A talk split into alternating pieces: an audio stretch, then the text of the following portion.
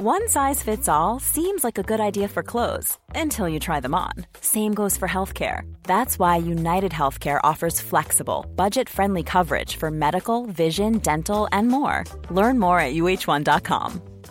Hiring for your small business? If you're not looking for professionals on LinkedIn, you're looking in the wrong place. That's like looking for your car keys in a fish tank. LinkedIn helps you hire professionals you can't find anywhere else, even those who aren't actively searching for a new job but might be open to the perfect role. In a given month, over 70% of LinkedIn users don't even visit other leading job sites. So start looking in the right place. With LinkedIn, you can hire professionals like a professional. Post your free job on linkedin.com slash people today.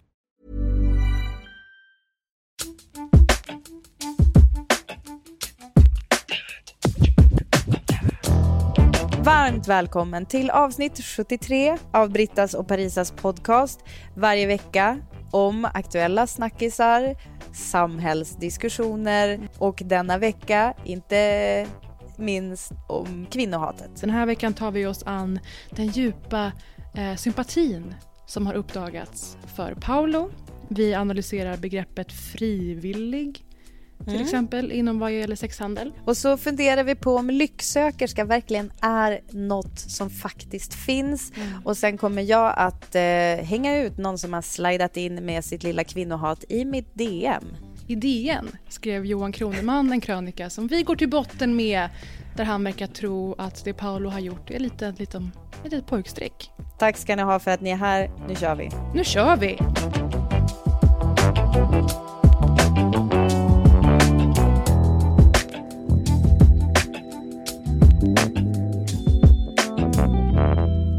Det hänt något sen sist? Jo men alltså jag har typ varit kvar lite grann i där vårt poddavsnitt Mm.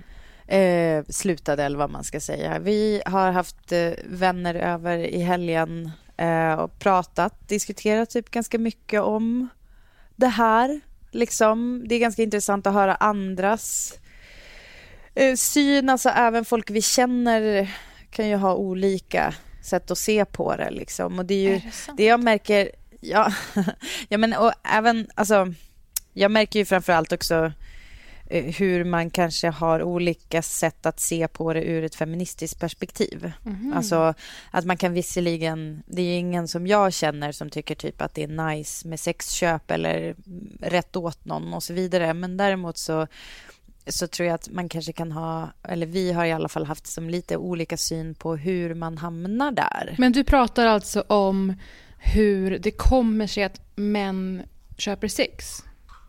Ja, precis. Ja, förlåt. Jag kanske var otydlig där. Eh, det som jag märker i diskussioner som vi har haft eh, med vänner och sånt där är att även om man eh, tycker ganska lika i sak kring att det inte är nice att köpa sex så är det lite olika hur mycket man blandar in feminism i det här i hur, det, hur man skapar en sexköpare om vi säger så.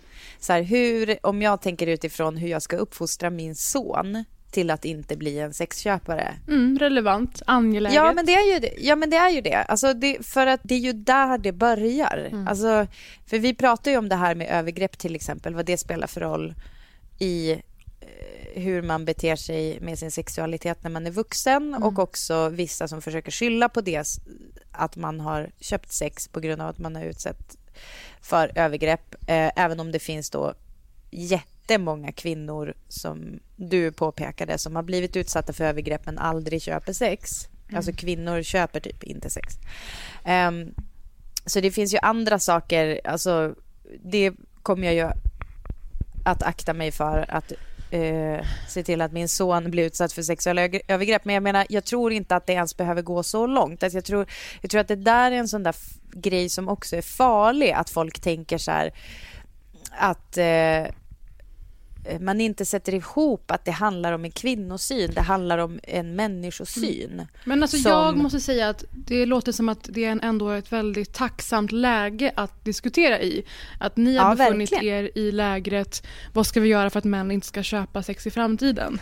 Och Jo. Britta, det är vad det visar sig väldigt annorlunda mot hur det har sett ut runt många middagsbord och liknande ute i Sverige de här dagarna som har gått sen i fredags. Um, förra avsnittet så vigde vi ju helt åt det här med ordagrant kring eh, just Paolo Roberto.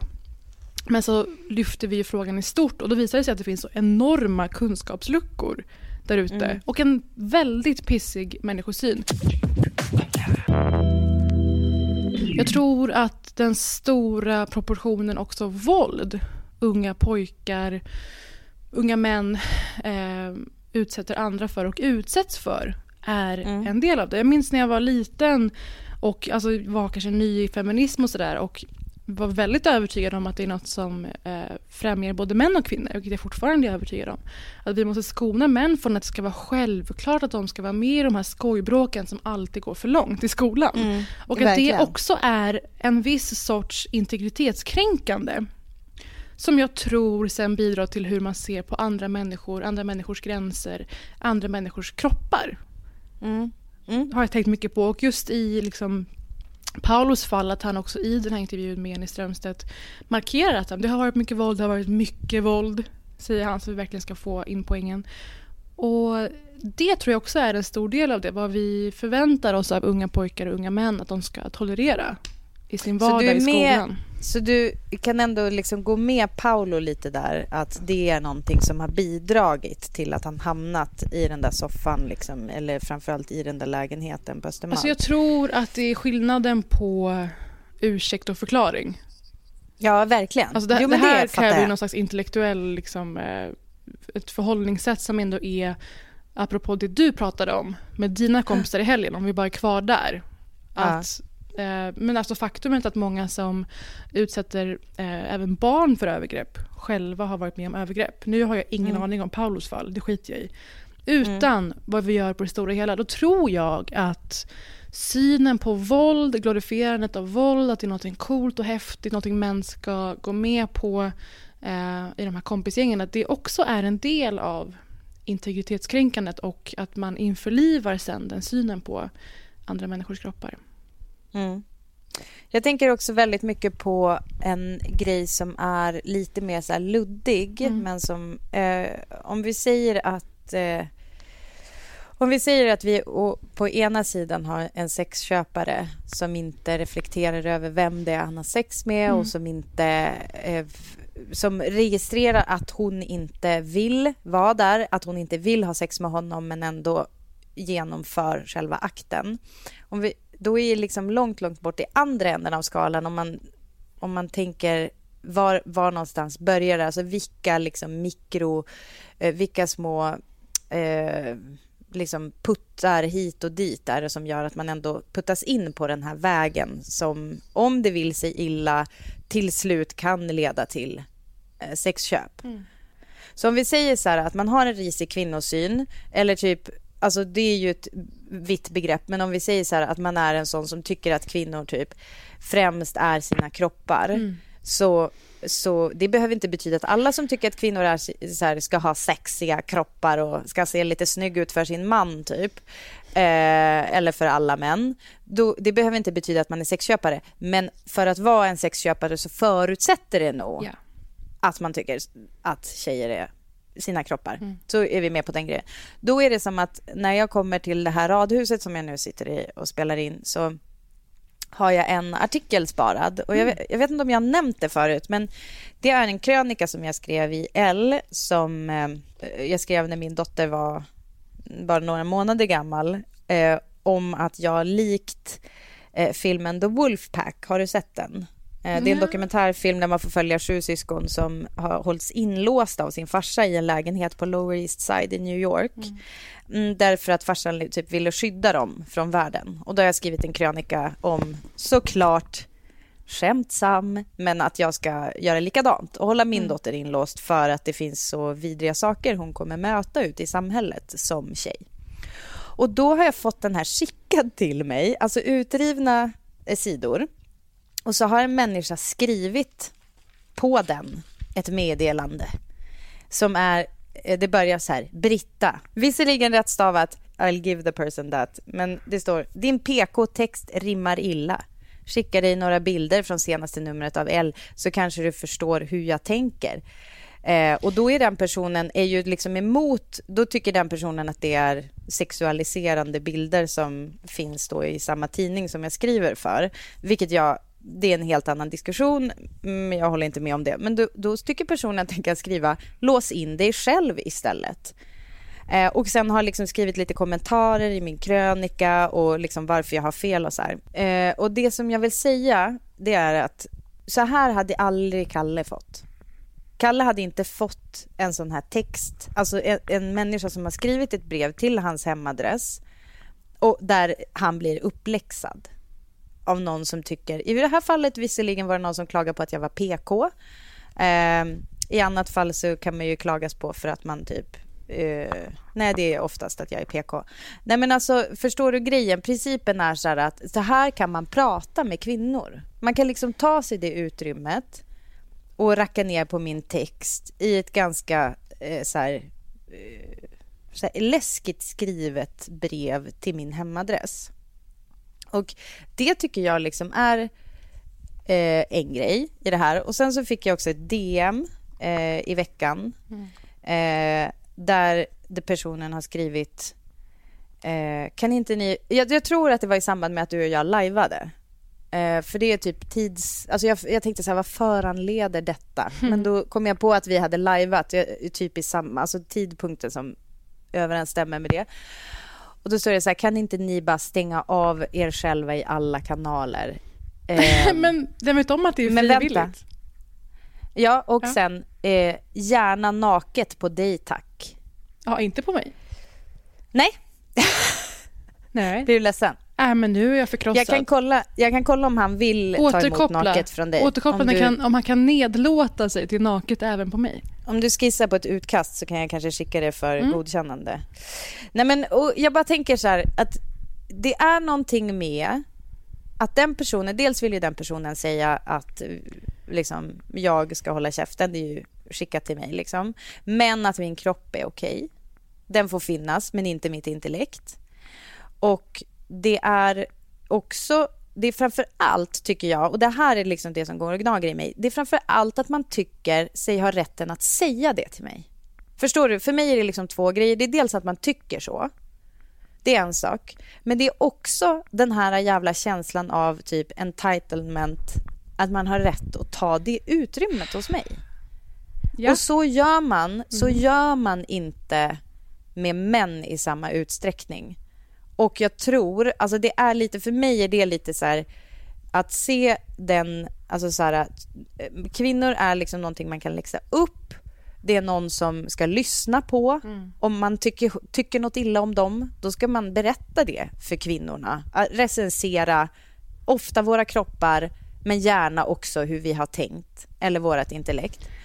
Nej, men och han är ju så, så kränkt välja... av att vi tar oss rätten att finnas. Ja, exakt. Ja.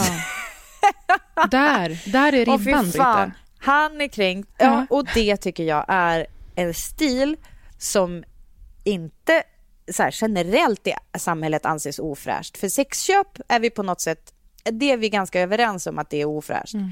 Men att säga så där, att skicka ett sånt där meddelande till en tjej och du, jag vill klicka in mig på hans profil som var öppen. Mm. Um, och det är ju en väldigt, väldigt vanlig person som jag ser där och det är en människa som har eh, lagt upp så här, festbilder med kompisarna. Han festar med tjejer som ser ut som typ kunde vara dina och mina kompisar eller typ våra poddlyssnare. Alltså typ så här coola tjejer med snygga kläder, rött läppstift som inte, alltså det är verkligen så här, det är inte någon jävla så här Ronaldinho-kille som är där eller någon som vi kanske så här eh, typiskt så här för toxic masculinity typ, utan det är bara en, det är liksom en kille med skägg som verkar ha kul med öl, typ. Förlåt. Men alltså, ja du fattar. Nej, men, och sen liksom... såg jag också, du skickade det till mig, jag såg att det fanns en person med där som eh, det finns en utbredd vetskap om har slagit eh, åtminstone ett av sina ex.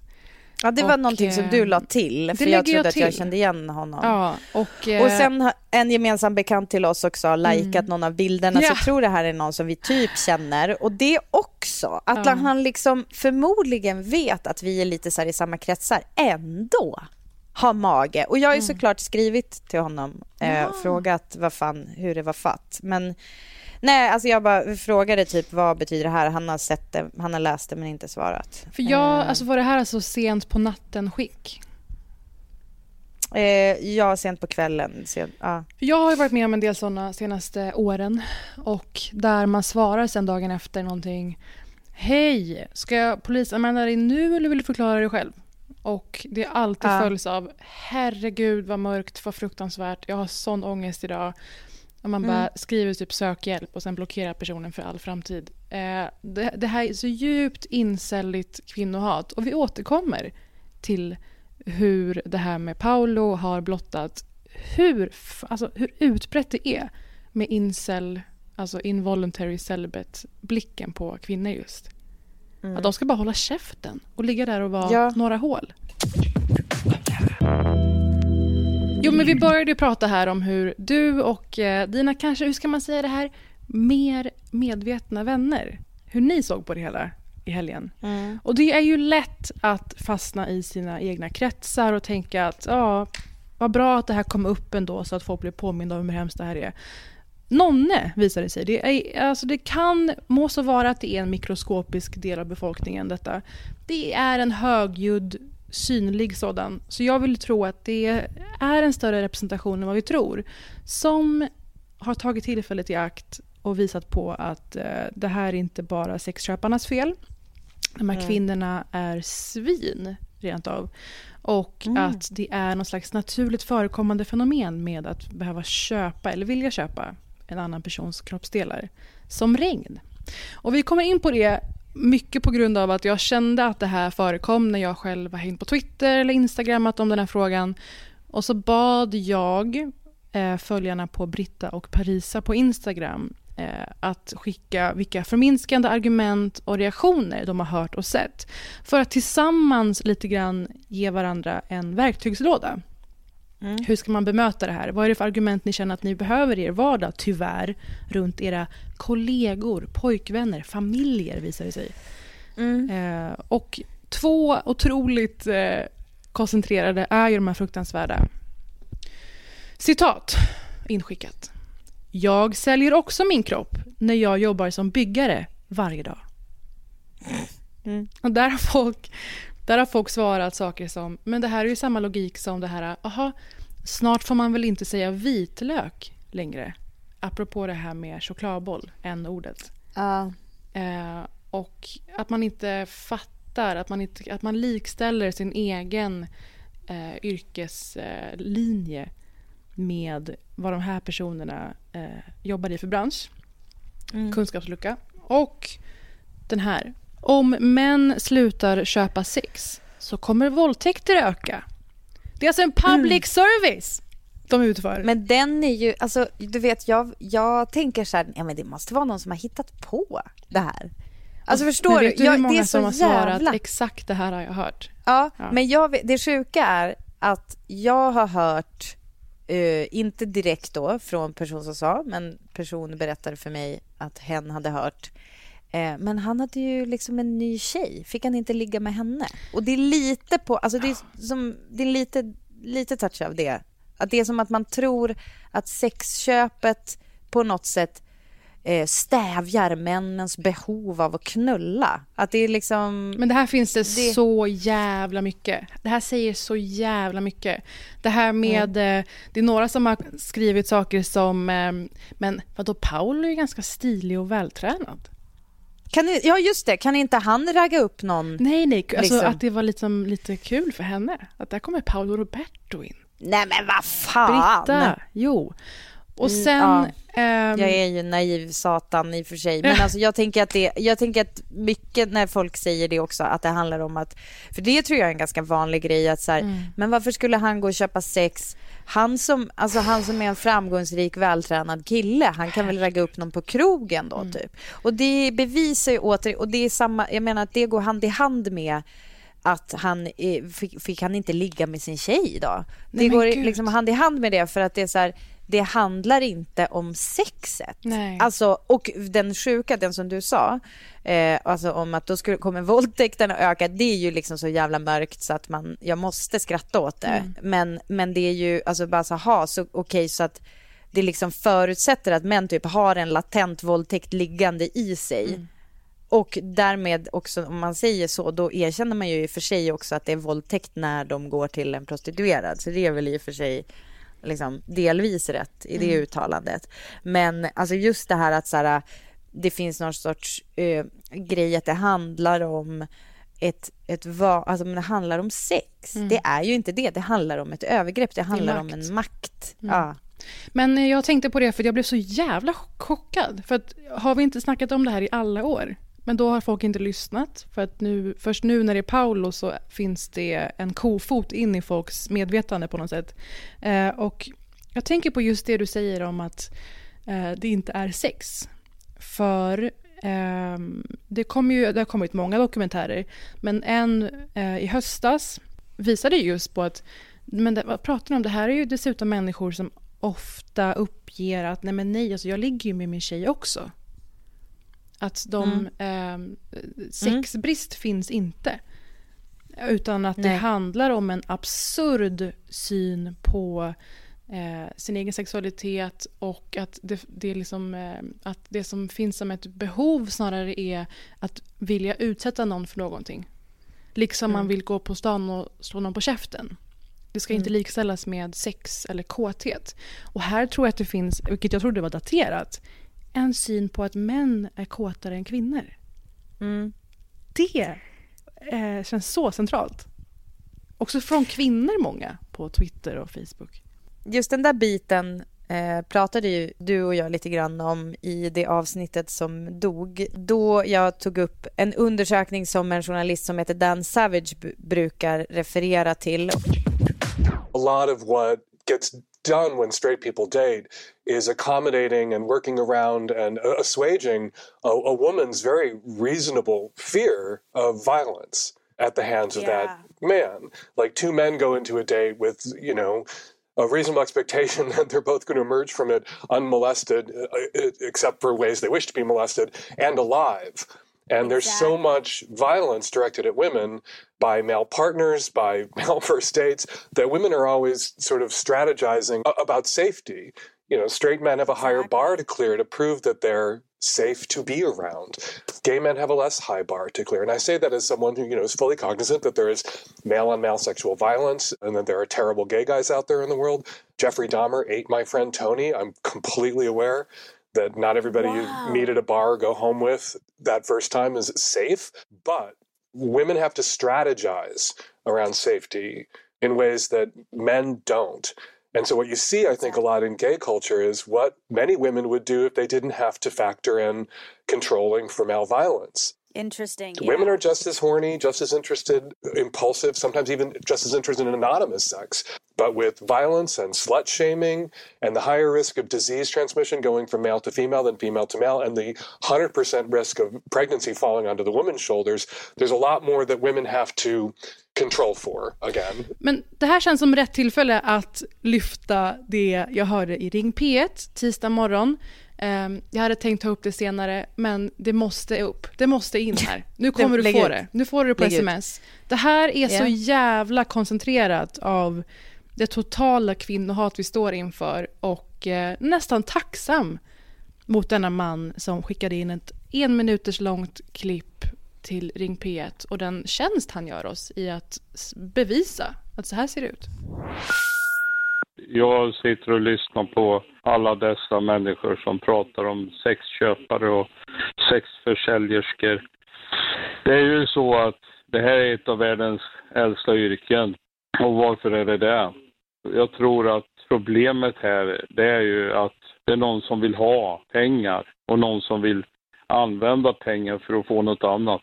Varför finns det juvelarbutiker? Varför är kvinnor så ute efter guld och ringar och gifter sig dyrt.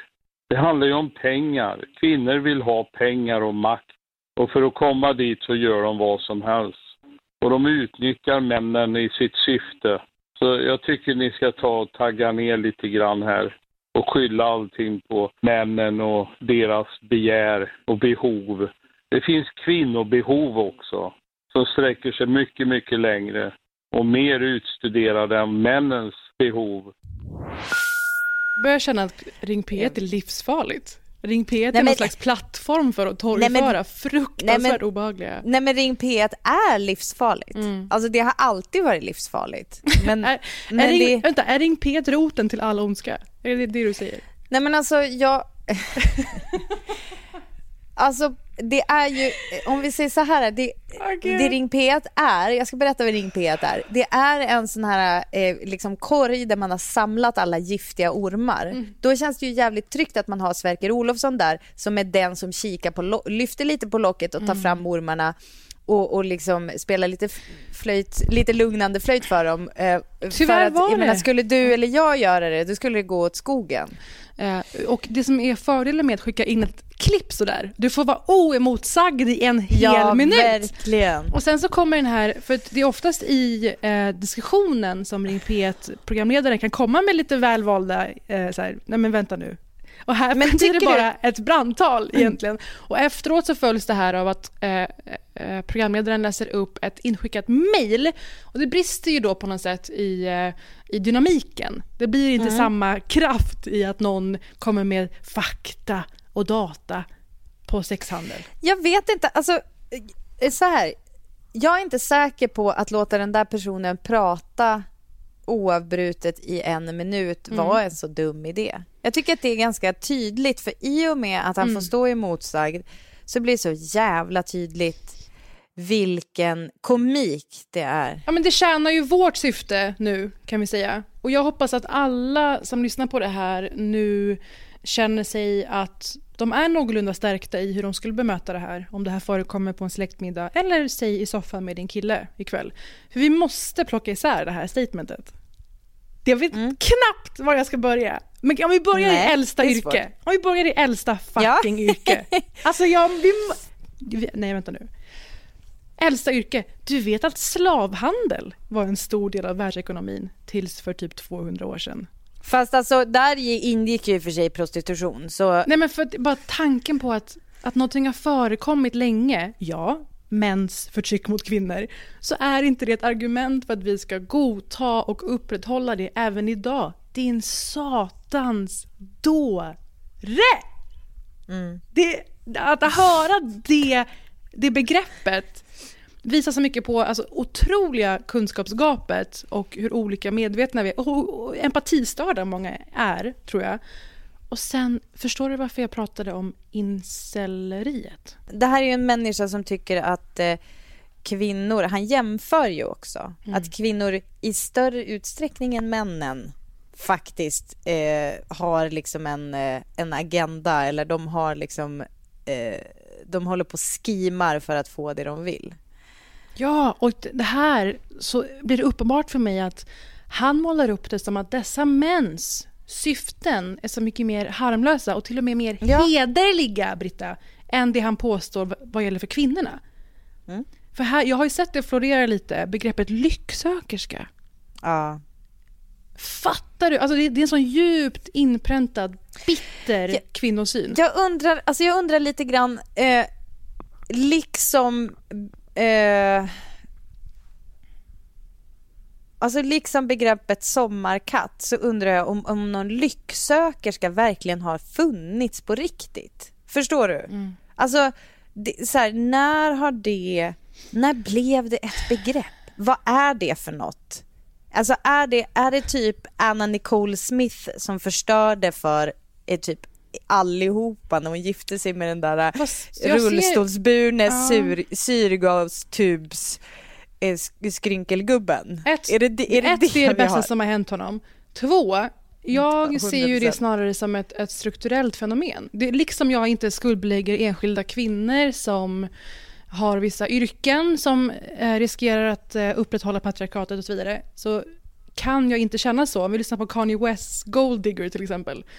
I och med att världen ser ut så som den gör, och som vi snackade om i Mrs America-avsnittet, Eh, att det ser ut som det gör, att kvinnor uppfostras med att vara beroende av män, att bygga hela sin personlighet och sin, eh, sitt liv kring att behaga män. Klart som fan det här uppstår. Att man inte ser kopplingen till att det har med ojämställdhet att göra är ju där det brister. Men om vi bara snackar om det här med att han går liksom så långt att prata om juvelerarbutiker. och han pratar, om, han pratar om män, då är det begär och behov. Alltså rent liksom mm. fysiska, harmlösa, pojkiga företeelser. Och så har vi mm. kvinnornas manipulativa, sluga jävla skit. Mm. Det är så tydligt. Mm. Eh, och varför jag drar incel-argumentet är för att om man inte har koll på incel-rörelsen så är det alltså män som är ofrivilligt celibat, säger de själva. De alltså eh, män som har gått så långt i detta mående. Han som skrev till dig och ville ha nakenbilder men att du ska hålla käften. Man har alltså gått så långt i den här, eh, det här måendet, ska vi säga, om vi säger så. Men jag skulle inte vilja avfärda honom som incel Nej, tycker jag att det är snarare att upphöja honom. Då är han, ett, då är han en samhällsfara plötsligt. Då är inte han bara en fyllegubbe. Nej, just det. Det är för ja. mig skillnaden mellan tölpwashing och att vara en förövare. Att vara en incel, då har man gått så långt att man föraktar kvinnor för att de har mage att inte vara sexuellt tillgängliga 24-7. Även kvinnor de inte ens känner eller försökt inleda en relation med. Alltså kvinnohatet till exempel i det här att eh, vi, vet, vi känner ju folk, mm, influencerperson som hängde ut den enskilda kvinnan det rör sig om. Och kvinnohatet som välde över henne var, bestod ju i att hon hade mage i att vara sexuellt attraktiva. Till och med då, när man ligger med främlingar till tiotals om dagen, så är man ändå i vissa mäns ögon i maktposition. För att män på sätt och vis behöver oss eh, att ha sex med, eh, eller mot i vissa fall, så är det vi som sitter på makten i varenda situation. Ja. Är det så? Det är så den här människan man, resonerar. Ja, och därför är man då, har rätt att vara bitter mot oss. Ja, det är det. Ja. De kanske hatar henne för att de ja. äcklas så mycket det det av kommer... sitt, sitt, behov. Ja. Precis, det är det jag menar. Det är det jag börjar komma, det är det jag börjar komma åt nu. Att de, är su alltså att de hatar, alltså hatet kommer ur eh, begäret. Alltså det, men jag fattar så här, det, det är liksom en sak att hata en kvinna som sitter på en vd-position, alltså tycka typ så här att, eh, att en kvinnlig chef får typ tusen gånger mer skit än manliga chefer bara för att liksom hon är kvinna och säger åt män hur de ska göra. Eh, det är liksom, det, det, är en sak, men det här när till och med en kvinna som så pass i samhället i, i så låg rang eh, som säljer, så att hon säljer sex ändå anses typ ha männen by the balls liksom för att hon har det bokstavligt talat. Det finns något där. Ja, just det. Sen så har jag varit ute och vevat om efterfrågan i veckan. Det yttrar sig ungefär så att ja, men efterfrågan finns ju, så som att det är, är fog, så, fog punkt, nog punkt. för att eh, blidka efterfrågan. Att lag, eh, att eh, avkriminalisera eller att tycka att det är ett normalt förekommande fenomen. Det finns mm. tydligen vissa som vill punga, hosta upp slantar för det här. Och mm. det är ju inte så ett samhälle byggs upp. Det vet ju du och jag till exempel. Som samhälle måste man ju signalera vad som är okej eller inte. Liksom att vi inte har folk som får ta heroin på gatorna. Vi eh, låter inte vuxna ligga med barn i allt för nej. stor utsträckning. Det händer ju och då är det ofta att så här, män hittar på att nej men jag somnade bredvid tolvåringen och låg med henne i sömnen. Ja, men, det känner vi till. Ja, precis. Ja, men eh, en grej som, alltså för att plocka ett, liksom, en, en helt annan parallell är bara så här, vi, vi tillåter inte folk att slå sina barn. Alltså det är ju på något sätt, är vi typ mer överens om det än att man ska ligga med dem. Eh, Verkligen. Eh, och det, det är ju, det finns väl en efterfrågan, alltså jag menar det gör man i Italien. Eh, typ, det är inte ens olagligt tror jag. Bara för att efterfrågan finns mm. så behöver inte det betyda att det ska få finnas. Det är väl jävligt enkelt. Det är egentligen. så jävla enkelt. Och om ni har hört det, nu vet ni vad ni ska svara. Och till exempel det här med att det finns jättemånga som vill ligga med barn. Vi har ju sett i veckan att det har startats en studie, ett experiment kan man säga, eh, att eh, kemiskt kastrera eller kraftigt dämpa sexlusten hos eh, parter, personer som har ett eh, sexuellt sug efter barn. Eh, alltså i Sverige. Så deras generella sexlust ska man dämpa? Och det här är ju ändå personer som... det- Det här är ändå personer som ser någonting i sig själv som Ja. inte funkar. Och inte Verkligen. väljer att agera på det utifrån att jag känner det här, därför är det rimligt. Allt som man känner är okej. Mm. De har Ehm, sökt hjälp. de har sökt hjälp. Och Mm. det är så talande att ah, det här med, vi snackat om sex positiv kontra sex negativ. Att det Mm. finns en, en anda av att ja, men, allt vad passion och lust heter, det är kötsligt. Då är, Mm. det, då är det rimligt. Allting föds ju i någonting. Allting är format eller fostrat av någonting man har varit med om eller sett för mycket av. Till exempel extrem porr i det här fallet. Mm.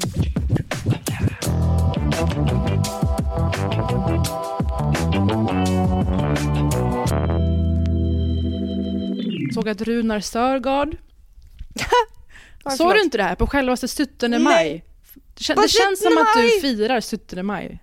Ja, ja. Alltså jag gick och pratade norska hela dagen. Men Alltså, berätta vad Runar gjorde. Om det här inte hade hänt i fredags, då hade vi Mm. bara haft en ljuvlig helg där vi hade kört capoeira på norska, som du är känd Ja, för att ja, göra. ja. Och inte tänkt mer på saken. Och nu blev det istället Ja, Runar. da hadde vi bare, da hadde vi bare snakka litt skitt eh, på norsk. Ja. Ja, jeg har glömt min norska. Men då blev det så att Runar på den här heliga dagen för honom och många andra valde att gå ut och markera att men vad fan, nu är det ändå nog. Alltså en dag senare, eller två, kände han att nu har det gått för långt. Vi pratar inte tio år av utfrysning. Vem gav Runar Sögaard luft? Facebook. Vem dammade av honom från var, var han nu Vet du vad? har Det lilla... legat i för formalinbehållare Ja. med nedfryst eh, ansikte? Men det lilla vett som fanns var att Runar åtminstone inte var publicerad i någon av tidningarna. Hade fått en, ett arvode för att skriva det här. Utan det var på hans egen Facebook-sida. Där finns det väldigt Mm. många omdömen förresten. Han verkar ha någon slags publik-persona Facebook. Där folk skriver Oh. Runar är en bra prick, fem stjärnor. Nej men, Eh, nej, men och- herregud, de har recenserat hans person. Så hans person, hans personliga varumärke gick ut och skrev på sin sajt. Ja. Hans välrenommerade personliga varumärke. Nej, men och han började veva om tänk på Paulos föräldrar. Hur jobbigt det är Va? för dem att behöva se rubrikerna nu i helgen. Ja. Britta, det, det är så här folk funkar. Och klipp Men det var ju en ny idag. take, för det är ju många som säger tänk på hans tonårssöner. Ja. Paula har inte ramlat in med Vad, kuken vad fan är det som pågår? Varför ska vi andra då ta hänsyn till hans söner när han själv uppenbarligen inte gjorde det? Det är han själv som har gjort det valet. Det är det som är så jävla sjukt. Mm. Han har en Då ska son och plötsligt en alla andra också. sluta upp. Och det här, ja okej, ja. Men och det här eh, är ju väldigt likt, den här diskussionen har vi haft i väldigt många metoo-fall. Mm. Att men tänk på och tänk på och det är ju just det som är problemet. Jag vill också att folk ska fatta att inte bara ska vi inte lyssna på det örat, vi ska inte behöva liksom tänka på förövaren eh, när vi är hos offret. Liksom. Och det andra är att folk måste veta att när de säger så, så bidrar de ju just till den här kulturen som gör att folk kan pågå med sitt vidriga beteende, som gör att Harvey Weinstein-personer fortsätta. Alltså jag läste nyss den här DN lördagbilagan, en jättestor intervju med Ronan Farrow som jag tidigare har pratat om i podden för jag tipsade om hans podcast Catch and Kill och nu har hans bok kommit ut på svenska. Därför skrev jag DN om honom. Det, det var inte en pinfärsk intervju jag läste men jag hittade den i högen i köket och blev påmind om just det där att Harvey Weinstein bara liksom eh, hade en stab av folk som enablade honom runt omkring. Och det är ju det när man säger så här, men tänk på, tänk på. Det, folk har tänkt för mycket på. Det är det som är fucking problemet. Så, säg, så, så fort någon fler säger så till mig så kommer jag se den personen som en potentiell medhjälpare i något sånt här. Jag i liksom talande stund med dig innan vi tryck, tryckte på räck eh, fick syn på dagens DN, jag har inte hunnit läsa den än, det är tisdag och ser att på första sidan så står det ehm, Johan Kroneman kolon böter får ingen sexköpare att tveka. Pengar är ju allt de har. Pengar betalar för både för brottet och boten. Och jag hinner till och med säga till dig att, nej men titta, vad kul. För så låg är ribban nu, Britta, för att någon man ska imponera Ja. på en med lite engagemang. Men det kan jag också säga, det tycker jag är en grej i det här och våran eh, gemensamma eh, kompis Emilia Vicenta som hon heter på Instagram skrev ju att var är alla killar i det här? Var är alla killar som träder fram och säger att det är vidrigt det Paula har gjort? Det är väldigt tyst från manshållet så därför så kanske, det kanske bidrog till att du blev lite glad när Kronis var igång. Nej men det krävs så lite. De här Ja. små orden och jag bara känner, men titta, titta vad som händer. För vi vet ju att män lyssnar bara på andra män. Det visar alla studier. Män lyssnar på andra män, kvinnor är hysterikor, känslodrivna, går inte att lita på. Ehm, och så fäller jag upp, smäller jag upp tidningen under vår konversation för jag tänker att här kanske finns något kul att visa på att Kroneman är en förebild, han är en föredöme, visar vägen. Ja, Rubriken i tidningen är det var en annan. Tävlingen om att fördöma mest är en motbjudande del av mediedramaturgin. Ja men herre min jävla gud. Hur gick det till? Det är som att någon första sidans redaktör har känt att, men vänta nu, vad säger han? Ja. Och att den tar det enda som går att citera på en DN första sida. Men så skummar jag igenom fort och känner att nej men nej, vänta nu, det här kan inte stämma. Det måste vara någonting annat. Nej. Utan Kroneman fortsätter. Denna tävling i att vara den som fördömer Paolo Roberto mest. Denna jakt efter rasande formuleringar och vinklar. Dessa krav på att rippa honom på allt. Alla dessa oförvitliga människor som aldrig faller, aldrig fallit, aldrig kommer att falla. Det har blivit en fråga om den utan synd eh, får kasta den första stenen.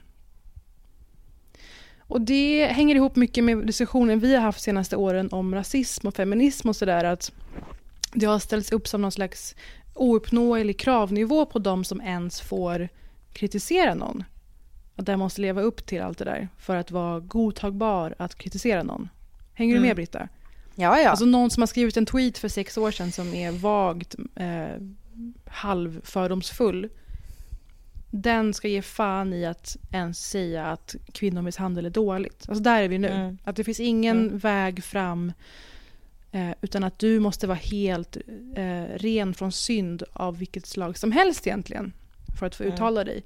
Och det är så synd att han eh, är med och förstärker den här dumma, dumma eh, tanken. För då blir det ju att det blir återigen väldigt svårt för gemene man att ta eh, krafttag eller försöka bara göra minsta lilla markering. Kroneman fortsätter.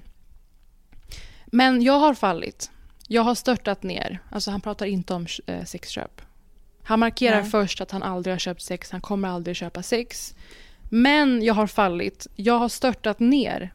Jag har dragit med mig många i fallet. Jag har tagit oräkneliga dåliga beslut. Jag är också en fattig, syndig människa. Ingen bryr sig. Det är helt irrelevant i den här frågan. Folk är så snabba att börja försöka förstå honom och liksom eh, dra paralleller till sig själv. Alltså, jag tror att många identifierar sig med Paolo, vilket jag tycker är så jävla... Jag blir så otroligt förvånad. Jag har liksom sett den där typen av resonemang på andra håll, där det är som att, ja fast... Alltså just det där med att här, ingen är perfekt, folk kan göra fel och sådär. Men återigen, Mona fucking Salin hade köpt en jävla Toblerone. Hur mycket förståelse fanns det för henne? Hur många var det som kom med så här hjärtemoji och bara tänker på dig och så vidare? Ja, det kanske var för hon hade väl inte Instagram då, men Instagram fanns inte. Men alltså det är ju, det är ju så jävla jag tycker det är så väldigt, väldigt märkligt och jag kan inte förklara det på något annat sätt än att vi är så jävla tränade i att hela tiden hålla på och försöka förstå män. Att Nej, det är liksom, vi är känner- inne på deras... Vi ska liksom hålla på och förhålla oss till dem hela tiden. Kroneman fortsätter dessutom. Tvinga mig inte att säga att Paolo Roberto är ett sällsynt svin. Tvinga mig inte att kasta sten för att själv visa mig hel och ren och utan skuld. Det är en motbjudande mediacirkus. Vad pratar du om? Ingen tvingar dig till någonting. Och ingen Nej, vem säger, fan är det som tvingar ja, honom? och ingen säger att du själv måste visa dig hel och ren och utan skuld. Sluta blanda ihop det här med det ni kanske själv bär på. Och det fick mig att, att känna ännu mer det här som jag skrev om häromdagen på Instagram. Att varför jag tror att så många rusar till hans försvar är för att de identifierar sig mer med förövaren. För Mm. att de bär på saker som de har gjort, som de vet om har varit fel. De har slagit sina fruar, de har legat med tjejer som egentligen inte ville. De Men det här- har deltagit i det ena och det andra och att de ser sig själva mer i förövaren. Medan jag tror att till exempel du och jag, Britta, vi identifierar oss och ser oss mer i kvinnan. Och det är det här Mm. återigen problemet att känna empati med kvinnor i grund och botten.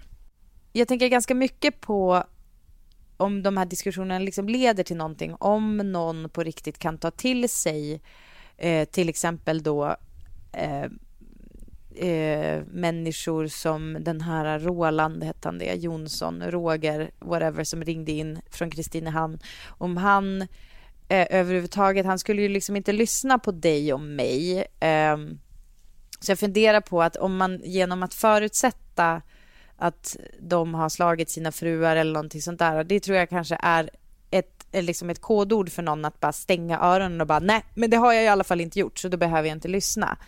Det är för mig en sån jävla gåta. Eh, För jag tror det finns många män som liksom relaterar till Paolo som inte har gjort saker, men de bara relaterar till honom eh, kanske utifrån det faktum att, att han är man. Alltså att det är lite så här, eh, att så här, vi, vi är så jävla basic och att det är det det handlar om. Och då, jag, jag blir så otroligt förvånad av det. Därför att det är så här, det är så jävla många snubbar som inte köper sex. Och varför är det då så många snubbar som ändå på något sätt kan liksom skicka en styrkekram till Paolo? Det är det som jag tycker är så jävla konstigt. Alltså, jag vet inte, jag sitter och funderar på så här, vad, är det, vad, vad krävs det för argument för att de ska förstå att det här är liksom en väldigt eh, tydlig gräns han har gått över. Och han är inte i... Alltså är det, är det är anledningen att de kan känna sympatier för honom och här kommer jag till min tanke som gör att jag kanske backar lite grann från vad vi pratade om förra veckan. För jag börjar tänka så här, är det faktum att man ändå kan känna, alltså många män då kan känna sympatier för Paolo, det faktum att han faktiskt gjorde den där jävla intervjun. Alltså förstår du? Att han, jag har liksom tänkt så här, ja ja men vad fan, att han är lite som en sån där Roger Jonsson, som att vi, vi kan titta på den där trafikolyckan men alla ser väl att det är en trafikolycka. Men jag är typ inte så säker längre för att den där behovet av att nyansera som nu då, alltså ett tu brutte, Johan Kronemark ska liksom gå ut och, och, och säga att typ ja, ja, vi har väl alla några skelett i garderoben typ. Nej, men jag förstår liksom inte det där behovet av att nyansera det här. Varför kan vi inte bara, varför kan vi inte bara stänga Men det är det som lådan? sak- ja. Men det som han har köpt sex, du, som, alltså som du säger Parisa, han har köpt sex, det erkänner han. Han erkänner också att han förtjänar all skit som kommer åt hans håll. Varför ska då folk gå in och bara nej, Paolo, nej du förtjänar inte den här skiten. I så fall förtjänar jag skit. Man Men bara det- nej. Du säger ju själv, du har inte köpt sex, alltså ska du inte dömas på samma grunder som Paolo. Och den här smutskastningsgrejen, det vet fan inte jag. Var, var äger den rum egentligen? Det är ju bara Nej men vänta det nu. mesta Alltså, det är ju... jag har sett är ju en saklig redogörelse för vad det är för eh, kriminell verksamhet han göder och vad det är för människoöden som han profiterar på. Kronemans retorik, att kalla det här för fördömanden, att det här kalla det här för sådana saker, det är ju att underkänna och totalt, alltså totalt underkänna legitimiteten i de som för Ja. fram legitim kritik, i de här organisationerna, experterna som finns, som Talita och Inte din hora, att totalt underminera deras funktion och roll och trovärdighet. För det är så här lätt Det är för som att de här männen i offentligheten att underkänna och underminera de som försöker göra något åt saken. Att kalla det för känsloargument är det han gör här. Men vet du vad Kroneman gör också i andra ordalag? Han drar en, men det får man väl inte säga i det här jävla landet längre? Lyssnar du på Mark Marons What the fuck? Åh herregud. Um, mm. Det var länge sedan nu, men jag har ju nåtts av små klipp ja, i mm. veckan. Mark Marons What the fuck pod är en sån här intervjupodd som en av de mest långtgående, vad säger man? Alltså den är inne på typ 1200 avsnitt eller någonting ja. sånt där. Det är en riktig långkörare. Han är komiker, han är skådis, han är med i min kompis Jackies tv-serie Glow. Mm. Eh, han eh, har en stand-up special nu på Netflix eh, och den är regisserad av hans flickvän Lynn Shelton som han omnämnde i förra poddavsnittet, alltså hans förra poddavsnitt så sa han att hon var sjuk och de kanske trodde typ corona eller någonting. Eh, och sen så eh, visade det sig att hon plötsligt avled. Lynn Shelton eh, har, alltså hon är kategorin faktiskt late bloomers som vi gillar. Hon, mm. I min ålder regisserade hon sin första film. Eh, hon har gjort sex filmer, bland annat en som heter Hump Day som fick eh, mycket uppmärksamhet kring eh, på typ Sundance och så vidare. Mm. Eh, hon var också producent för den här tv-serien på boken Little Fires Everywhere. Eh, hon har också regisserat avsnitt av The Morning Show, The Good Place, mm. Master of None, Fresh Off the Boat, Mad Men, också Mindy Project. Så det är eh, våra... Jag förstår att du har hört talas om henne även om om du kanske inte kände till henne innan genom att, att typ alla vi följer på Instagram, alltså typ Mindy Kaling, Mark Duplass, Reese Witherspoon har alla gått ut och sagt att det är sån chock och att hon är död. Eh, Mark Maron säger i veckans avsnitt att han med detta såklart gör som han alltid gör i sin podd, nämligen att om någon som har blivit intervjuad av honom eh, avlider så sänder han det avsnittet igen. Och i det här fallet så är det då hans flickvän, hans livspartner och också kreativa partner eh, som han trodde att han höll på att starta ett liv tillsammans med eh, helt plötsligt försvinner. Eh, och det är väldigt rörande. Det, jag bara satt och hulkade och Kalle var liksom tvungen att komma in och fråga hur det var fatt. Mm. Eh, men det som... Och då sänder Mark en... Eh, eller vad säger man? Repostar han en intervju första gången de träffades i, tror jag, 2015 eller någonting sånt. Där han eh, intervjuar henne om sin karriär och eh, hon säger en grej som som jag kände, alltså jag kände igen mig så jävla mycket och det är faktiskt någonting som jag jobbar med jättemycket faktiskt med min terapeut, att komma ifrån det här som Lynn Shelton säger. Det, det är eh, kanske någonting som vi alla behöver bli påminda om att det här kan hända. This thing that happens when you become sexualized for some some girls, some women, a lot of them. Mm-hmm. Um, where I was, I just felt like I was, the, you know, peak, the top of my game when I was like 12, 13. And yeah. I was writing stories, writing poetry, painting, Confident. playing music, doing, yeah, acting, doing all this stuff mm-hmm. and taking photographs. And, um, had such a clarity of vision and a confidence in my voice and, yeah. you know, and then, yeah, cut to like 20 I just. What, I, but was, what about 14, 15? 16? Well, it was like a gradual grinding down, okay. I think, you know, yeah. and it wasn't anything to do with my folks. My, I was always told by both of them, you can do whatever you want. You can be whoever you want. You sure. can be president. Sure. You can be an artist. But it was about the culture of high school. Very and... feminist. And it was just, it was society, really, you know, and this kind of become like I, I got really big boobs and yeah. I was, I was very like people were, I felt and I already had the tendency to be sort of self conscious. No, that wasn't, I don't think I did. I was very androgynous and tomboy before.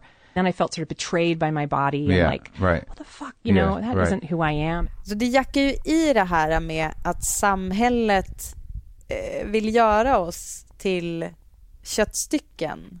Eh, att vi, de vill trycka tillbaka vad, våra intellekt och vad vi har att säga och istället så ska vi liksom vara våra kroppar. Mm. Och det är inte konstigt att det dröjer tills hon är 37 år. Hon säger väl inte det själv, men liksom att eller jag minns inte om hon säger det själv, men det är inte konstigt att det då dröjer till att en människa är 37 år gammal när hon vågar eh, agera på en dröm hon har haft hela livet för att samhället har gjort sitt goda jobb med att säga till henne att det ska du fan inte göra. För du, du ska... vi är inte intresserade av dig. Du ska Så hålla käften snygg? och skicka nakenbilder.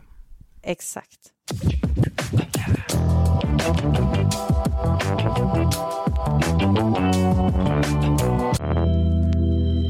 Alltså nu ja. var det ju inte tänkt att vi skulle prata om det här ens denna vecka. Liksom Nej. förra veckan när vi hade ett helt annat avsnitt i åtanke och det blev det här Paolo Roberto torskwashing avsnittet så blev detta för att bara hålla oss själva mentalt friska i princip. Ibland är det så. Ibland måste vi. Men jag tror och hoppas och det känns som det på internet att det, vi, vi går igenom det här tillsammans på något sätt. Det. Att ni också behöver... Eh, jo, eh, det har kommit en fråga från vår kompis eh, Martin vad man ska göra med sina Paolo-produkter som nu står i köket och skäms. Skicka gärna förslag på det, alltså, kanske. Eller har du något det spontant? Är, det pågår ju jättemycket överallt att olika eh, matbutiker har öppet i butikerna deklarerat om att det du köper av detta sortiment Paolo-sortimentet så skänks de den vinsten till Talita. Det är så underbart. Alltså fy fan vilka jävla ja, genier Om du redan ibland. har inhandlade det... produkter, laga maten och gå och skänk den till en behövande. För det vet du att det finns i din närhet. Det är inte brist på det någonstans. Mm. Det låter ju jättebra också att få sluta i den positiva andan. tonen.